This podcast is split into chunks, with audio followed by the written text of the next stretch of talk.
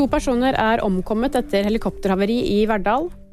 Valglokalene i Danmark har åpnet, og Taylor Swift har kapret alle de ti øverste plassene på Billboard-listen. To personer er bekreftet omkommet etter at et helikopter havarerte i Verdal i Trøndelag tirsdag formiddag. Nødetaten rykket ut etter at politiet fikk melding fra flytårnet på Værnes om et helikopterhavari. Det var tre personer i helikopteret, og to personer er omkommet etter havariet. Det skriver politiet i en melding klokken tolv. Den tredje personen som var om bord i helikopteret, tas hånd om av helsevesenet, og pårørende er varslet. Havariet har skjedd i et utmarksområde utenfor tettbebygd strøk. Operasjonsleder Solfrid Legdheim i politiet i Trøndelag sier til VG at de jobber på stedet og opp mot selskaper og andre for å kartlegge omstendighetene mest mulig detaljert. Valglokalene har åpnet i Danmark, og det er knyttet stor spenning til utfallet.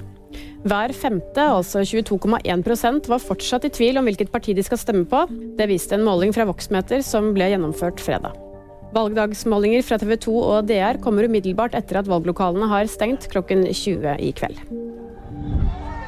Taylor Swift har kuppet alle de ti øverste plassene på hitlisten i USA. Det er Billboard selv som melder på Twitter at Swift fullstendig har okkupert øverste del av Billboard Hot 100 med sitt nye album Midnights.